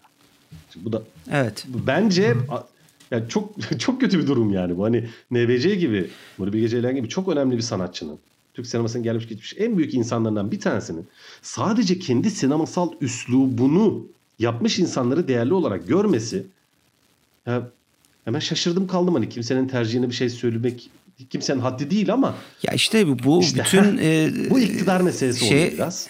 Biraz kendini bu şeye bağlanıyor yani e, hani onun sinema anlayışı o Fırat yani hani. tabii Öyle- tabii öyle öyle, de yani. e, şöyle bir şey yani hani bu hakim bir e, aslında şeyin ürünü e, nasıl diyeyim hani e, ilgilenmiyor adam İşte, yani heh, kendisinin dışındaki tamam. olan doğru doğru. yani doğru, bu doğru bak ona bir şey de, diyemeyiz. Ya ken- yani izleyici izleyici için de e, ge- izleyiciyle kurduğu ilişki için de çok geçerli olan İşte- bir şey yani ilgilenmiyor Evet, yani. Şimdi bunu başka Bana ne yani geri kalan bu Evet, şeyden evet, tabii işte bak insan düşün. insan yığınından İşte bak, yani. Aynen bak şöyle düşün. Ee, yine İlker Hoca'nın programında bunun muhabbeti geçmişti. Ben de seninle daha önce sohbetlerimizde bizim işte Eylemli Özgür'le falan da hep bunları konuşmuşuzdur tamam mı? Şimdi bak. Kubrick Solaris için Aa, çok güzel beğendim bravo falan diyor. Tarkovski Kubrick için bu ne biçim böyle film mi olur falan diyor şimdi bak. Sinema böyle olmalı falan diyor mesela şey Tarkovski. Tamam mı? Bak şimdi. Ya Evet. uzun plan çekenler küstah. Tamam mı? Şimdi böyle bir ayrım mı var abi sinema tarihinde? Yani hani şimdi Nuri Bilge Ceylan tamam tabii ki ilgilenmez. Bana ne? Hani Eisenstein umurumda değil, işte Wells umurumda değil, Hitchcock umurumda değil. Peki tamam ona bir şey diyemeyiz. Her şekilde Nuri Bilge Ceylan çok önemli, değerli bir sinemacıdır. Çok önemli bir sanatçıdır. Eyvallah buna bir şey demiyoruz. Şimdi şunu ben şunu vurgulamaya çalışıyorum. Ee, avantgard bir isimdir Tarkovski ve Antony yani. Bu, bu, bu Bergman bunları kabul edebiliriz. Daha çok uzun çekim parçalarıyla anlam yaratan. Tamam peki. Bunu açıklayalım. Onları avantgard yapan ne? Yani sadece uzun çekim parçası kullanması mı? Hani oyun bırakın baba aksın. Aktığı kadar aksın. Kurguda bakarız. Böyle mi yapıyorlar? Hayır. Biçimcilikle gerçekçilik kurgu kuramı bağlamında söylüyorum. Yani kısa çekim parçalarıyla uzun çekim parçalarının sinemadaki anlamı ne?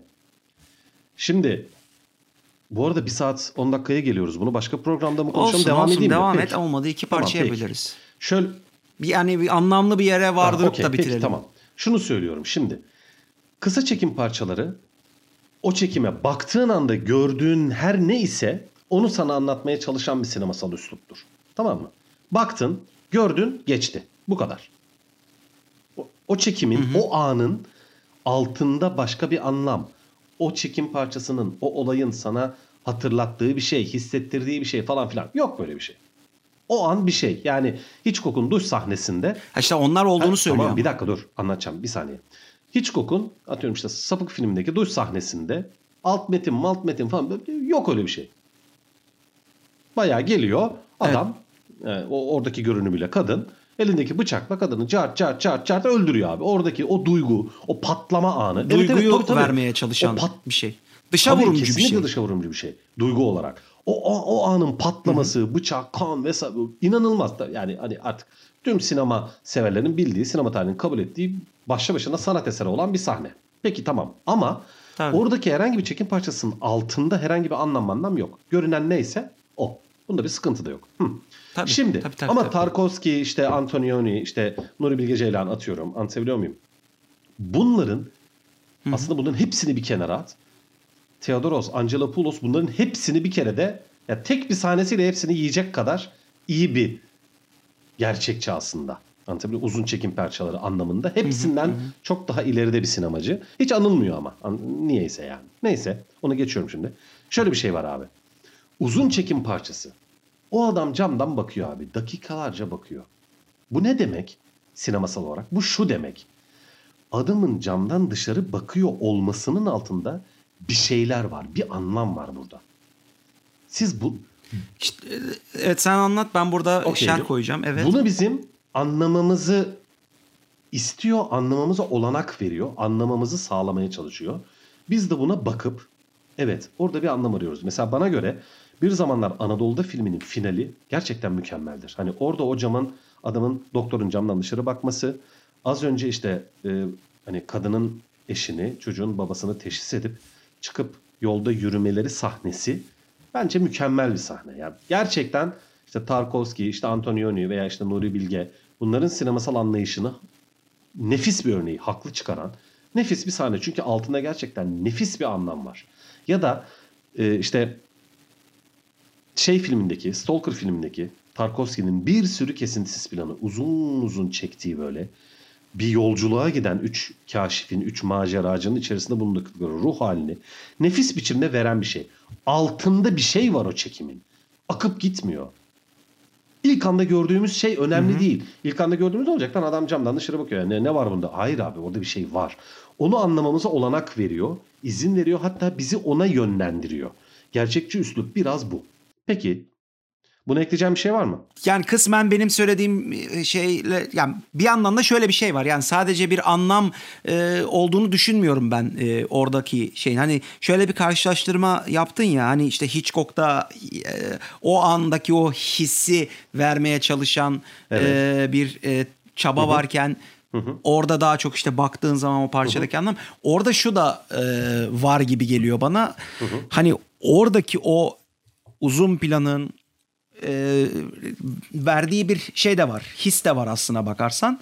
E, şöyle bir şey. Yani aslında anlamdan çok e, benzer bir şekilde hisse de oynadıklarına yönelik bir e, düşüncem var. Yani esasında hani o sahneyi izlerken yaşamış olduğun sıkıntı yani tırnak içerisinde sıkıntı yani uzun planı izlerken sana verdiği sıkıntı O karakterin meselesi, duygusuna denk geliyor. O, o karakterin duygu durumuna e, denk gelmeye Evet, e, siyle ilişkilendiriliyor gibi Evet, geliyor doğru, bana. doğru, bir doğru, böyle doğru. bir yanı da var demek istedim. Doğru buna katılıyorum. Bunda sıkıntı yok. Ben devam edeyim bak çünkü Hı, aa, Evet. senin Ya dediğine bu senin geleceğim. söylediğine karşıt olan bir şey Ha, değil de yok, yok, bir de tabii, bu tabii. var anlamında. Do- yok doğru söylüyorsun. Şimdi bak e, çok önemli bir ayrıma geliyorum. Şimdi bak burada yönetmen uzun bir çekim planı şey e, uzun bir plan çekip bize o sahnenin altında bir anlam olduğunu hissettiriyor, gösteriyor vesaire. Bu çok tuttu kardeşim ya. Tarkovski'nin, Antonioni'nin bu uygulaması çok tuttu. Patladı gitti yani. Hah. Kolaycı Patladı bir yönteme gitti. dönüştü. Aynen bu yani gişe sinemasında Spielberg, Lucas gramerini tekrarlayıp yapan binlerce sinemacının bunlar bir şey değil ya bunlar işte Spielberg taklitçisi dedikleri şeyin avantgard tekrarına dönüştü. Arada bir fark var mı Fırat? Yok abi.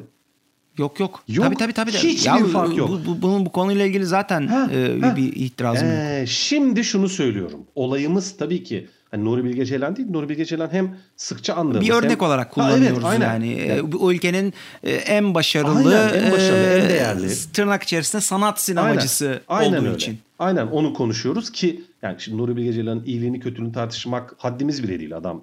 Elbette iyi. Seversin sevmezsin o ayrı ama Tabii. kendi sineması açısından. Kendi sineması açısından çok başarılı bir sinemacı. kesinlikle. Yani o sinemanın bütününe karşı olabilirsin Ha, ama aynen öyle. bunun adını teslim etmek Aynen lazım. öyle. yani. Çok güzel söyledin. Şimdi aslında ama bunu kötü, asla kötü olarak söylemiyorum. Bu kötü bir şeydir demiyorum ama Nuri Bilge Ceylan kendi sinema tarihi anlayışı az önce vurguladığım gibi hani sinemanın en değerli filmleri, en önemli filmleri hangisi deyince tamamen kendi sinema anlayışına ait 10 tane film sayması da bunu gösteriyor. Tarkovski, Antonioni, Yasujiro Ozu gibi yönetmenlerin sinemasının tam olarak takipçisidir. Hı-hı. Çok net. Yani bunu kendisinin de inkar edeceğini hiç düşünmüyorum. Yo yo ha, yani direkt ki. filmde referans ha, veriyor canım. Aynen öyle. Ancak bu şu oluyor. Nuri Bilge Ceylan avantgard değil. Bunu kabul etmek durumundayız bu şekilde. Çünkü Eisenstein, Vertov, Gans, Buñuel, Godard, işte Kubrick, işte Greenaway, David Lynch, Tarkovsky, işte Haneke, Lars von Trier bunların hiçbirinin öncüsü yok. E avantgard bu olmak demek zaten. Sinemanın anlatım sınırlarını geliştirmek demek. Var olmamış bir şey yapmak demek. Bunu kitleye kabul ettirdiğinde zaten sanatçı oluyorsun. Sanat Hı-hı. bu değil mi? Yenilik değil mi? Öncülük değil mi? Yapılmamış bir şeyi yapmak, çarpıcı olmak değil mi? Az önce Thomas Munro'nun tanımında ne vardı? Doyurucu estetik yaşantılar oluşturma diyorduk biz. O doyurucu kelimesinin altında bir şeyi yüz kere deneyimlediğin deneyimlemenle bir kez deneyimlemen arasında ne kadar büyük fark olur. Ama şu anda şey yapıyorsun yani şey bence e, yani bu ava, tamam avantgard olmayabilir evet. e, ama hani avantgardla sinemanın şey e, sanatın tanımını sanki böyle birbirine eşitledin gibi geldi bana. Eşitlemiyorum hani, ama çok yakın bağlantılı diyorum. Hı-hı. Çok bağlantılı. Ya işte eşitlemiyorum. E, Tamamen eşit diyemem. Ya çünkü hani o zaman hani bir insan avantgard değilse sanatçı değildir Hı. gibi bir şeye gidiyor. Ha, şimdi şimdi onu söyleyeceğim bir dakika. O, onun açıklaması ayrı. Şimdi bak bana göre Spielberg bir sanatçıdır. Çünkü öncülük demek illa hiç var olmamış bir şeyi yapmak değil, var olan bir şeyi ileriye götürmek de bana göre sanatçılıktır. Hı hı. Bunu tartışabiliriz. Anlatabiliyor muyum? O anlamda avantgardlık ama sanatta ya da sinemada avantgardlık demek öncülük, daha önce yapılmamış bir şey yapmak, sinemanın ya da herhangi bir sanatın anlatım biçimlerini, yöntemlerini geliştirmek, Anlatabiliyor muyum? Bir şey yapmaksa eğer bu sanatçıların hiçbirinin öncüsü olmamalı zaten. Çünkü öncüsü o anlatım biçimini ilk defa kullanmış ve kabul ettirmiş demektir Hı-hı. zaten. Mantıken düşünürsen. Hı-hı. Anlatabiliyor muyum? E, bu anlamda andığım avantgardların işte diyorum Vertovlar, Ganslar, işte Tarkovskiler, Henekeler bunların öncüsü yok ki. Bunların da sevdiği, değer verdiği sinemacılar var ama onları avantgard olarak isimlendirmemizin nedeni zaten biricik olmaları. Onların dediğim gibi hani birçok hani hocamızın, ustamızın, sanat tarihçisinin, sanat eleştirmeninin, film eleştirmeninin söylediği gibi o insanlar kendi şeylerini hani kendi dünyalarını kurmuşlar ve o dünyayla uyumlu filmler yapıyorlar. Bunlar zaten öncü. Onlara benzediğinde sen tırnak içinde sanat sineması dediğimiz bir alanda faaliyet gösteriyorsundur ama aslında onların takipçisisindir taklitçisi diyemem. Bu çok çirkin bir ifade. Taklitçi yok, yok, değil. Yani öyle bir, öyle nasıl? Bir... Ha, tabii tabii. Sen nasıl atıyorum Kubrick'in veya yok Kubrick'in değil pardon. Orson Welles'in veya Hitchcock'un gramerini kullanıyorsun diyelim. E şimdi ne dedik? Brian De Palma Alfred Hitchcock'un büyük hayranı değil mi? Onun gibi yaklaşık sinema yapıyor. Ona taklitçi diyenler de var ama bence bu doğru değil. Onun gramerini başka güzel öyküler için kullanıyor. Bu da güzel bir şey. E tabii canım yani. O anlamda Tarkovski'nin Nuri, Nuri Bilge Ceylan'ın Tarkovski'nin gramerini ya da sinema anlayışını devam ettirmesi, başka güzel örneklerle falan kullanması da güzel bir şeydir. Ama arada şöyle bir fark var. Ya sanat sinemasının içerisinde de bir gelenekselcilik söz konusu. E, tabii tabii. Orada da bir bilindik şeyleri takip etme, tekrar etme ya diye bir şey başta var. söylediğim şey e, bu, bu durumda, buydu. Yani buraya gidiyor zaten. Hani orada oluşmuş şimdi o, o alanda sen... da oluşmuş olan bir iktidardan e, bahsediyoruz. Süper. E, ben sadece Çok o güzel. iktidarın e, içinde düşündüğüm hani bir siyasetçi gözüyle Hı-hı. düşündüğüm sahip olduğu e, tırnak içerisindeki ideolojik e, motivasyonunu daha çok anlattım. Hı hı. Süper. Bak şimdi ben bunu tam ben de tam oraya bağlamaya çalışıyordum. Yani neticede sanat sineması ya da avantgard sinema, entelektüel sinema severlerin de kendi içerisinde oluşturduğu bir iktidar Tabii var değil ki. mi? Tabii ki. Ha, kendini o iktidarı kabul ettirme. Hatta bu iktidarın e, meclisi neresi? Çoğunlukla festivaller. Tabii Doğru tabii, mu? tabii tabii. Ya ha, çok net yani. Ülkemizde hatta dünyada festival filmi diye bir şey tabii, var. Tabii yani yani, yani sanat ha, filmi, festival filmi neredeyse bunlar birbirlerine eşit anlamda kullanılan evet. şeyler. Aynen öyle. Yani sanat sinemasının diyorum hani e, toplantı salonunda festivaller oluyor. Sen orayı kendine kabul ettirebilirsen ne oluyor? Sanat sinemacısı oluyorsun. Şimdi bak. Bunu koyduk. İşte ya, ya buraya kadar problem yok aslında. İlginç hani düşünmesi noktalar olsa da ama bunun gişe tarafı çok sakıncalı. Niye biliyor musun? Çünkü gişe sinemasının bahsettiğim gibi toplantı salonu yok. Hı hı. Gişe sinemasında iktidar ne demek? Oscar mı? Kan mı? İşte Ya o da orada çok çok güzel bir yere geldi. 250'ye Orada çok ciddi mi? bir boşluk var. O o Ha, iktidar aslında şöyle bir şey söyleyeceğim oluyor. Ee, birçok noktada aslında yani bir anda karşı durduğum bir iktidarın karşısına da şunu elbette ki sunmayacağı sunmayacağım. Yani kendi açımdan baktığın zaman yani piyasanın iktidarını sunmayacağım elbette ki. Demeyeceğim ki hani en fazla izlenen film en süper Ha, filmdir. Tabii ki. Yok onu diyemeyiz. Diyemeyiz. Anlıyorum ben senin demek istediğini. Ben o noktayı işte konuşmak istiyorum ve çok önemli bir nokta olduğunu Tamam işte Şimdi burada şey yapalım e, bence. Bir sonraki şeyi buradan bak, ha, devam bir sonraki ettirelim. programa mı geçelim? Okey. Çok kısa bir şey daha Tamam söyleyeyim. oraya bağlayabileceğim bir e, yol çiz. Çünkü benim Okey. e, daha önce söylediklerimle senin bu anlattıkların arasındaki bağlantıyı kurmamız gereken yer as- esasında tam da orası. Popüler olanın alanının nasıl tanımlandığı, tanımlanabileceği e, meselesi, oradaki iktidarın ne olduğu e, meselesi ya da ne olamadığı meselesini tartıştığımız, tartışmadığımız zaman diğer tarafa saldırmak e, ya da işte Hı, yo, yo. saldırmaksa eğer ya ben ben kendi yaptığım şeyi öyle nitelendirdiğim için söylüyorum. Sen, Yani okey, evet okey. burada bir iktidar var ve bu e, yani popülere karşı olan e, uzaklığı ve mesafesi üzerinden tanımlıyor kendi pozisyonunu, e, sanatsal pozisyonunu şeklindeki iddiamın altını temellendirebilmemin yolu karşı tarafı da e, izah etmek olacak. Hı hı, anlıyorum anlıyorum. Ben aslında bir yanda onu da yapmak istiyorum. Yani sanat sinemasının iktidarı var olduğu kesin. Sinema adına da hani resim, heykel vesaire vesaire anlamında bunun iktidarı çok net biçimde sergiler. İşte küratörler, sanat eleştirmenleri falan. Sinemada da festivaller. Çok net yani. Anlatabiliyor muyum? Sen bir festival jürisine kendi filmini kabul ettirip de orada filmini gösterip hele bir de ödül alırsan oh ya, yani Evet. yağla bal oluyor. Hiç çok net. Anlatabiliyor muyum? Hatta bunun formülleri bile bayağı Tabii tabii her belli. festivalin Ha, kendi içindeki Tabii, tabii. temsil Politik ettiği bakışı var. iktidar ilişkileriyle bağlantılı biçimsel Aynen biçimleri var yani. Hı, aynen öyle. İşte gişe sinemasında da bu var aslında. Ben bunu söylemeye, bunu anlatmaya çalışacağım. Tamam. Bu da çok önemli. Anlatabiliyor muyum? Sıkıntı şurada. Avantgardlık dediğimiz şey sinemasal anlamda öncülük değil bir kere. Onu söylemeye çalışıyorum ben. Vurgulamaya çalıştığım nok- e- en önemli noktalardan bir tanesi bu. Avantgardlık sinemanın anlatım sınırlarını geliştirmek ancak bu öncülük demek değil. Çünkü öncü kelime anlamıyla zaten seni takip eden biri yoksa öncü değilsindir abi. Öyle düşün. Yanılıyorsam söyle veya bir arkadaş Ya çıksın söylesin. işte e, Anlatabiliyor muyum? Yani Bunu bu, tartışmamız bunun lazım. tanımını e, üzerinde bu kadar kafa e, yormanın ne, ne ölçüde anlamlı e, olduğuyla ilgili e, bir e, şeye e, varmamız gerekiyor. Bir tartışma yapmamız gerekiyor burada. Hani e, böyle bir tanım e, yani çok benim aslında hani neyi avantgard olarak tanımladığımız, neyi tanımlamadığımız meselesi çok bir öneme sahip olmuyor benim için. İşte sen öyle diyorsun ama ben bunun çok önemli olduğunu düşünüyorum. Niye biliyor musun? Şundan dolayı. Biz avantgard sinemacıları evet çok seviyoruz. Farklı bir şey yapıyorlar. Sinemayı farklı biçimde kullanıyorlar vesaire. Ya ben de çok seviyorum yani. Hani burada vur git yapmıyorum. Yapamam zaten. Haddim değil. Ya. Ben kimim ki? Ama şunu söylemeye çalışıyorum. İnsanlar Kubrick sevdiği için, Tarkovski sevdiği için kendini daha entelektüel görüyorlar ya. Hı hı. Böyle bir şey yok ki. E tabi. Sık, heh, sıkıntı orada. Avantgard dediğimiz alanı takip ettiklerinde avantgard dediğimiz sinemaya ilgi duydu. Ya bu zevk meselesi.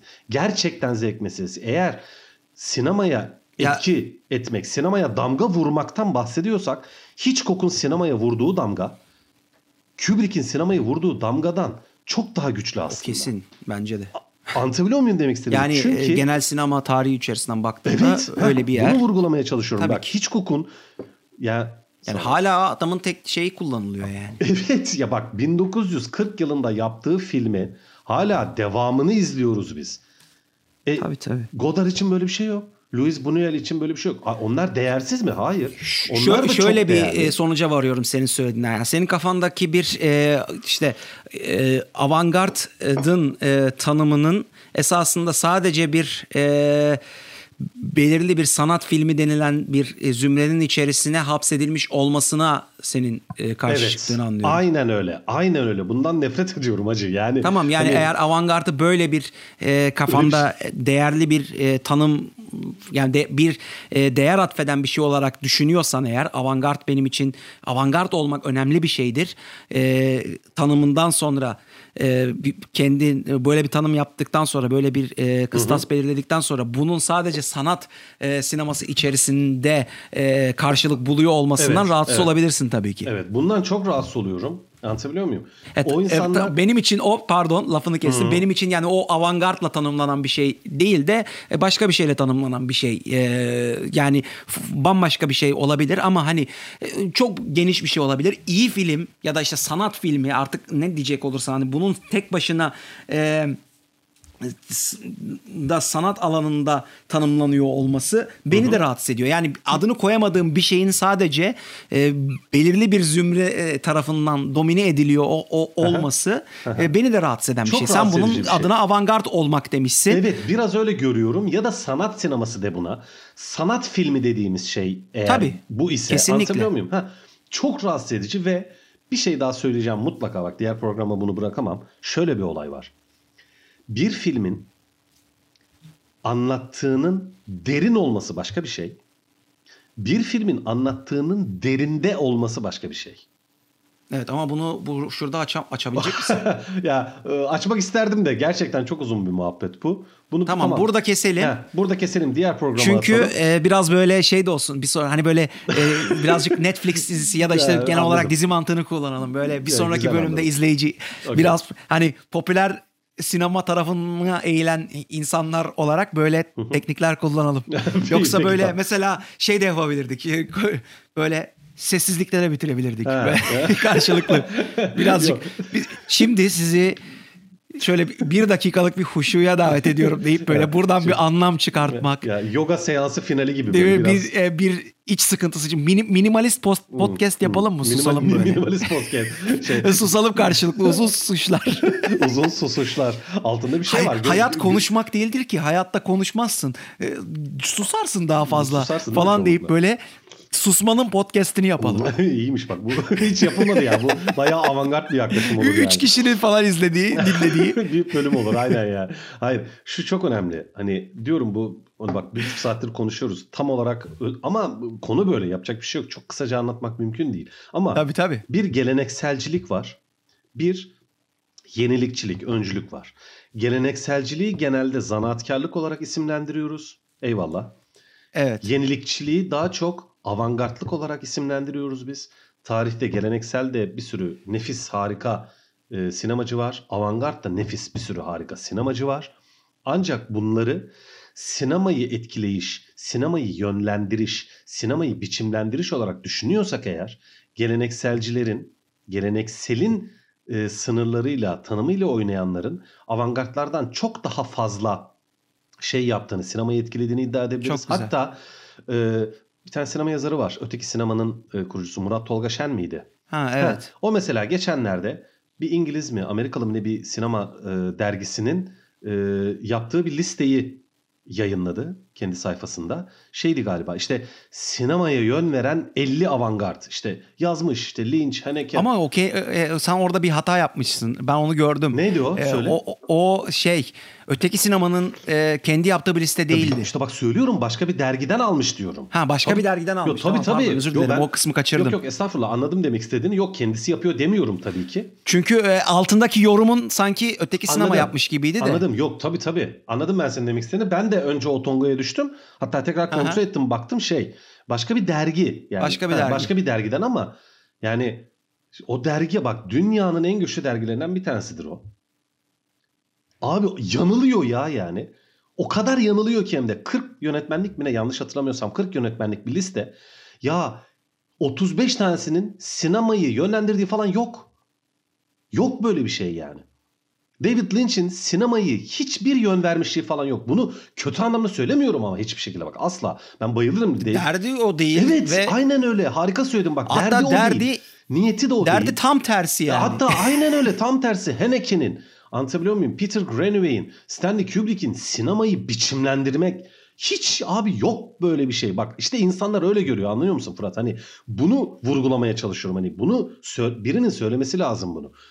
Avantgard sinemacıların sinemayı yönlendirdiği, sinemaya yön verdiği, sinemayı biçimlendirdiği falan yok abi. Böyle bir şey yok. Onların böyle bir derdi de yok. Böyle bir talebi de yok. Böyle bir ya bu niyetle de sinema yapmıyorlar zaten. Hepsi olağanüstü. Yani hepsi olağanüstü sanatçılar. Gerçekten öyle yani. Hani ben Haneke'nin yeni filmini izlerken duyduğum heyecanı anlatmam mümkün değil yani. Anlatabiliyor muyum? Veya Kubrick şimdi yaşıyor olsaydı yeni bir veya sandıktan hiç e, gün yüzüne çıkmamış bir filminin çıktığını düşünsene. Dünya ayağa kalkar yani. Anlatabiliyor muyum?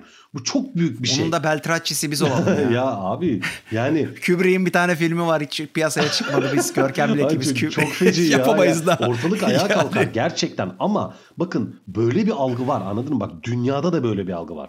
Dünyanın en büyük sinema dergilerinden biri kalkıp şunu diyor. Sinemaya yön veren büyük san... Hayır onların sinemaya yön verdiği falan yok. Avantgard'ın da böyle bir şeyi yok. Böyle bir iddiası yok. Hatta sinemaya yön verenler Yani daha çok Sinemaya tarihinin büyük e, yönetmenleriyle sinemaya yön veren yönetmenleri birbirine eşitleyen bir A- ya, İfade aynen, aslında. ifade var ama böyle bir şey yok. Avantgardların içerisinde sinemaya yön veren var. Yok değil. Ama çok azı. Benim tespit edebildiğim kadarıyla sadece Tarkovski ve Antonioni. Nuri Bilge Ceylan da mesela işte onun takipçisi. Günümüz sanat sineması, günümüz festival sineması daha çok entelektüellere hitap eden sinema daha çok Tarkovski ve Antonioni'nin takipçisi konumunda. Onun dışında benim bildiğim avantgardların neredeyse hiçbirinin sinema tarihine yön verdiği falan yok. Sinema tarihine daha çok yön verenler hatta bariz biçimde gişe sinemasının sınırlarını ilerletenler. Yani Lucas, yani Spielberg, hatta Martin Scorsese, hatta Quentin Tarantino. Quentin Tarantino ilk çıktığında Cannes Film Festivali'nde en iyi film, en iyi yönetmen falan ödülünü almıştı. O zaman avantgardtı. Şimdi avantgard mı? Hatta ben bununla ilgili Twitter'da arkadaşlara bile sormuştum. Hani ben mi yanılıyorum acaba? Ben yanlış bir bakış mı tutturuyorum? Arkadaşlar sizce Quentin Tarantino avantgard mıdır dedim. Çok büyük çoğunluğu hayır dedi. Yani Quentin Tarantino şu an biz avantgard yönetmen olarak görebilir miyiz? Hayır. Aa, Bak sinemayı ne kadar çok etkiledi ama. Başka yönetmenler, David Fincher hiçbir sinema seçkisinde ama senin tanımına göre avantgard Evet oluyorsun. aynen ben tam olarak onu iddia ediyorum zaten. Yani avantgard sinemacı olarak anılanlar aslında sinemaya yön falan vermiyor. Hani bu sohbetimizin tam özeti buydu. Vurgu- Çünkü yani Tarantino kadar da Evet. son dönemlerde takip edilen yok, bir yönetmen Yok. Am- ve ayrı bir kendisi ayrı yani tırnak içerisinde ayrı denilebilecek. Tabii canım. Yani en azından her ne kadar bir ko- kolaj O- olsa bile canım, e, olsun. yaptığı E, şeyler. Geçen programımızda onu konuştuk yani 90'lar sineması dedik. Sinema üzerinden sinema yapma akımı dedik. Sinemanın son en büyük kuramsal akımı budur dedik. Bunu başlatan Quentin Tarantino'dur. Ama dediğim gibi avantgard sinemacılar diye andığımızda arasında biz David Fincher'ı anmıyoruz. Coen kardeşleri anmıyoruz. Quentin Tarantino'yu anmıyoruz. Christopher Nolan'ı anmıyoruz. Aslında bu insanlar sinemaya yön veriyor. Günümüz sinemasında bu insanların Evet. o kadar çok takipçisi var. Hem sinemacı olarak zaten hem de sinema sever olarak yani. Yani bugün hadi bakalım gidelim ya ya bunu söylemeye bile gerek yok yani. Haneke'nin filmi ne kadar izleniyor? Quentin Tarantino'nun filmi ne kadar izleniyor? Şimdi bunları karşılaştırmak zaten komik olur yani. Öyle bir iddiam yok ama bu bir anlamda takipçiliktir neticede değil mi? Yani gişe bir anlamda eğlenceyi falan bir kenara atarsak yani başrole meşhur birini koyarsın çok kişi gelir. Bunu vurgulamıyorum tabii ama yönet yıldız yönetmenlik anlamında Haneke de yıldız yönetmendir kendi babında. Tarkovski'de ama Tarkovski şey e, e, Tarantino'da. Tarantino'nun çok daha fazla takipçisi var. E, as- aslında o da avantgard. E, sinemaya yön veren o ama biz kuramsal anlamda Tarantino'yu avantgard olarak anmıyoruz abi. İşte burada bir kopukluk var. Hani bu sohbetimizde benim varmaya çalıştığım nokta buydu. Bir dahaki programda bunun üzerinden devam ederiz. Bence bence çok Evet, çok güzel aynen, bir çok şey güzel yaptın. bir noktaya geldik bence. Bunu De- konuşalım. To be Ha, continued. bunu aynen konuşalım, devam edelim. Okey. E, dinlediğiniz Sağ için teşekkürler arkadaşlar. arkadaşlar. Bugün birazcık daha Evet, uzun biraz oldu ama kusura güzel. bakmayın. Yani e, laf lafa aç. Be- İşte ben de e, fazla konuşmaya başlayınca e, Evet, uzuyor haliyle. Ama diyorum çok güzel bir noktaya geldiğimizi düşünüyorum. Biraz zor geldik, biraz sıkıcı başladık. Ha. Zor geldik. Devam da edeceğiz. Çünkü e, Bu nok- ora- orası Evet, boş bu kaldı. Bu O, devam edeceğiz. orası boş Bir kalmasın. dahaki programda derin ve derinde muhabbetini konuşacağız. Ee, Yapacağız. onu yapalım ya da şöyle de şey, ben de şu şekilde isimlendireyim. Popüler e, sinema içerisinde sanatsal Of, olan harika. Harika, nedir? Harika. Ne Aynen var? bunu konuşacağız. Çok da konuşmak istediğim bu muhabbet çok daha da keyifli olacak diye düşünüyorum. Teşekkürler. Görüşmek üzere. Hadi görüşmek üzere.